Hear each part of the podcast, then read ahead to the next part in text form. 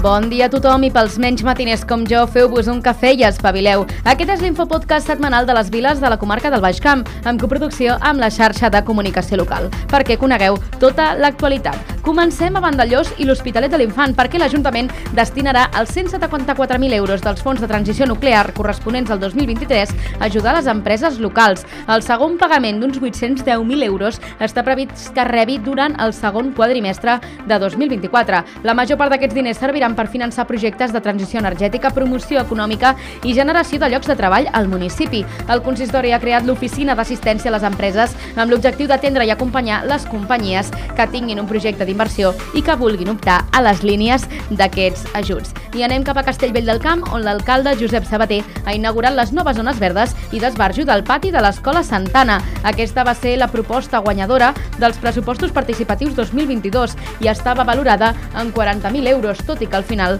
ha costat més diners. D'altra banda, la proposta per a la creació d'un vial, anomenada desplaçament a peu del poble a les urbanitzacions, va ser la més votada dels pressupostos participatius de 2023. El cost per dur-lo a terme serà superior als 40.000 euros estimats.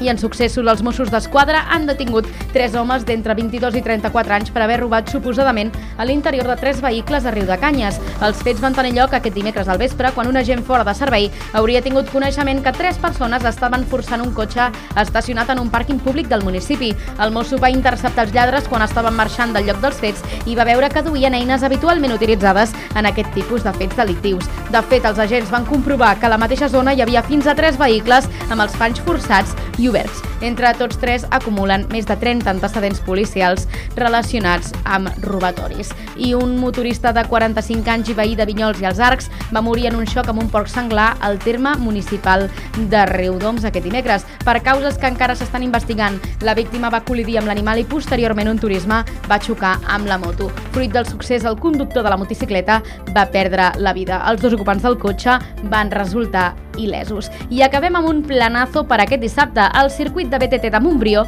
convida els amants d'aquest esport a les 5 de la tarda a provar les seves millores. L'excampió mundial de trial i director del Bike Park de Torre d'en i Cambrils, Àngel Batlle explicarà el recorregut del circuit i les seves novetats als assistents, amb l'únic requisit per participar que duguin una bici i casc propis. I això és tot per avui. Si t'ha semblat interessant, felicitats, tens bon gust. I si no, doncs potser que t'ho facis mirar.